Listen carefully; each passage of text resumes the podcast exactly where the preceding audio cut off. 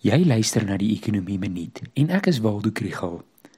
Selfs met ons hoë brandstofprys en die rand en die beurs wat val, skrik mens vir die ekonomiese nuus uit Zimbabwe. Die inflasiekoers is 132%.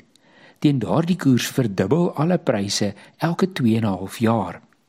Verlede week het Zimbabwe se sentrale bank hulle uitleenkoers verhoog van 80% tot 200% amptelik verander die Zim dollar teen 352 vir 1 Amerikaanse dollar.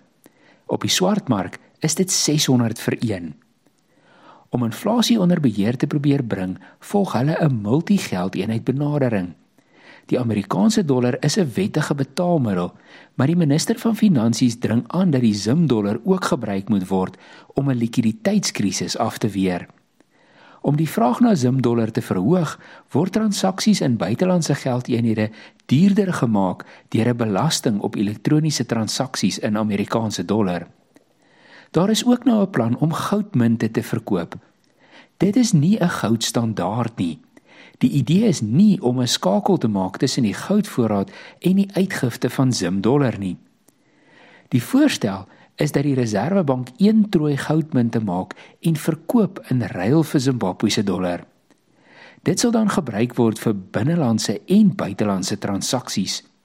Maar kan dit help om inflasiehok te slaan? Net die feit dat dit goud is, gaan nie daarmee help nie. Die munte word nog 'n geldeenheid wat 'n wisselkoers sal hê met die Zimbabwe se dollar.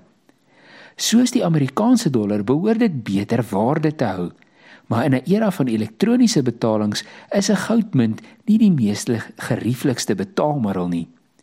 Dan gaan die reële ekonomie met stygende internasionale pryse en tekorte ook 'n inflasierol speel.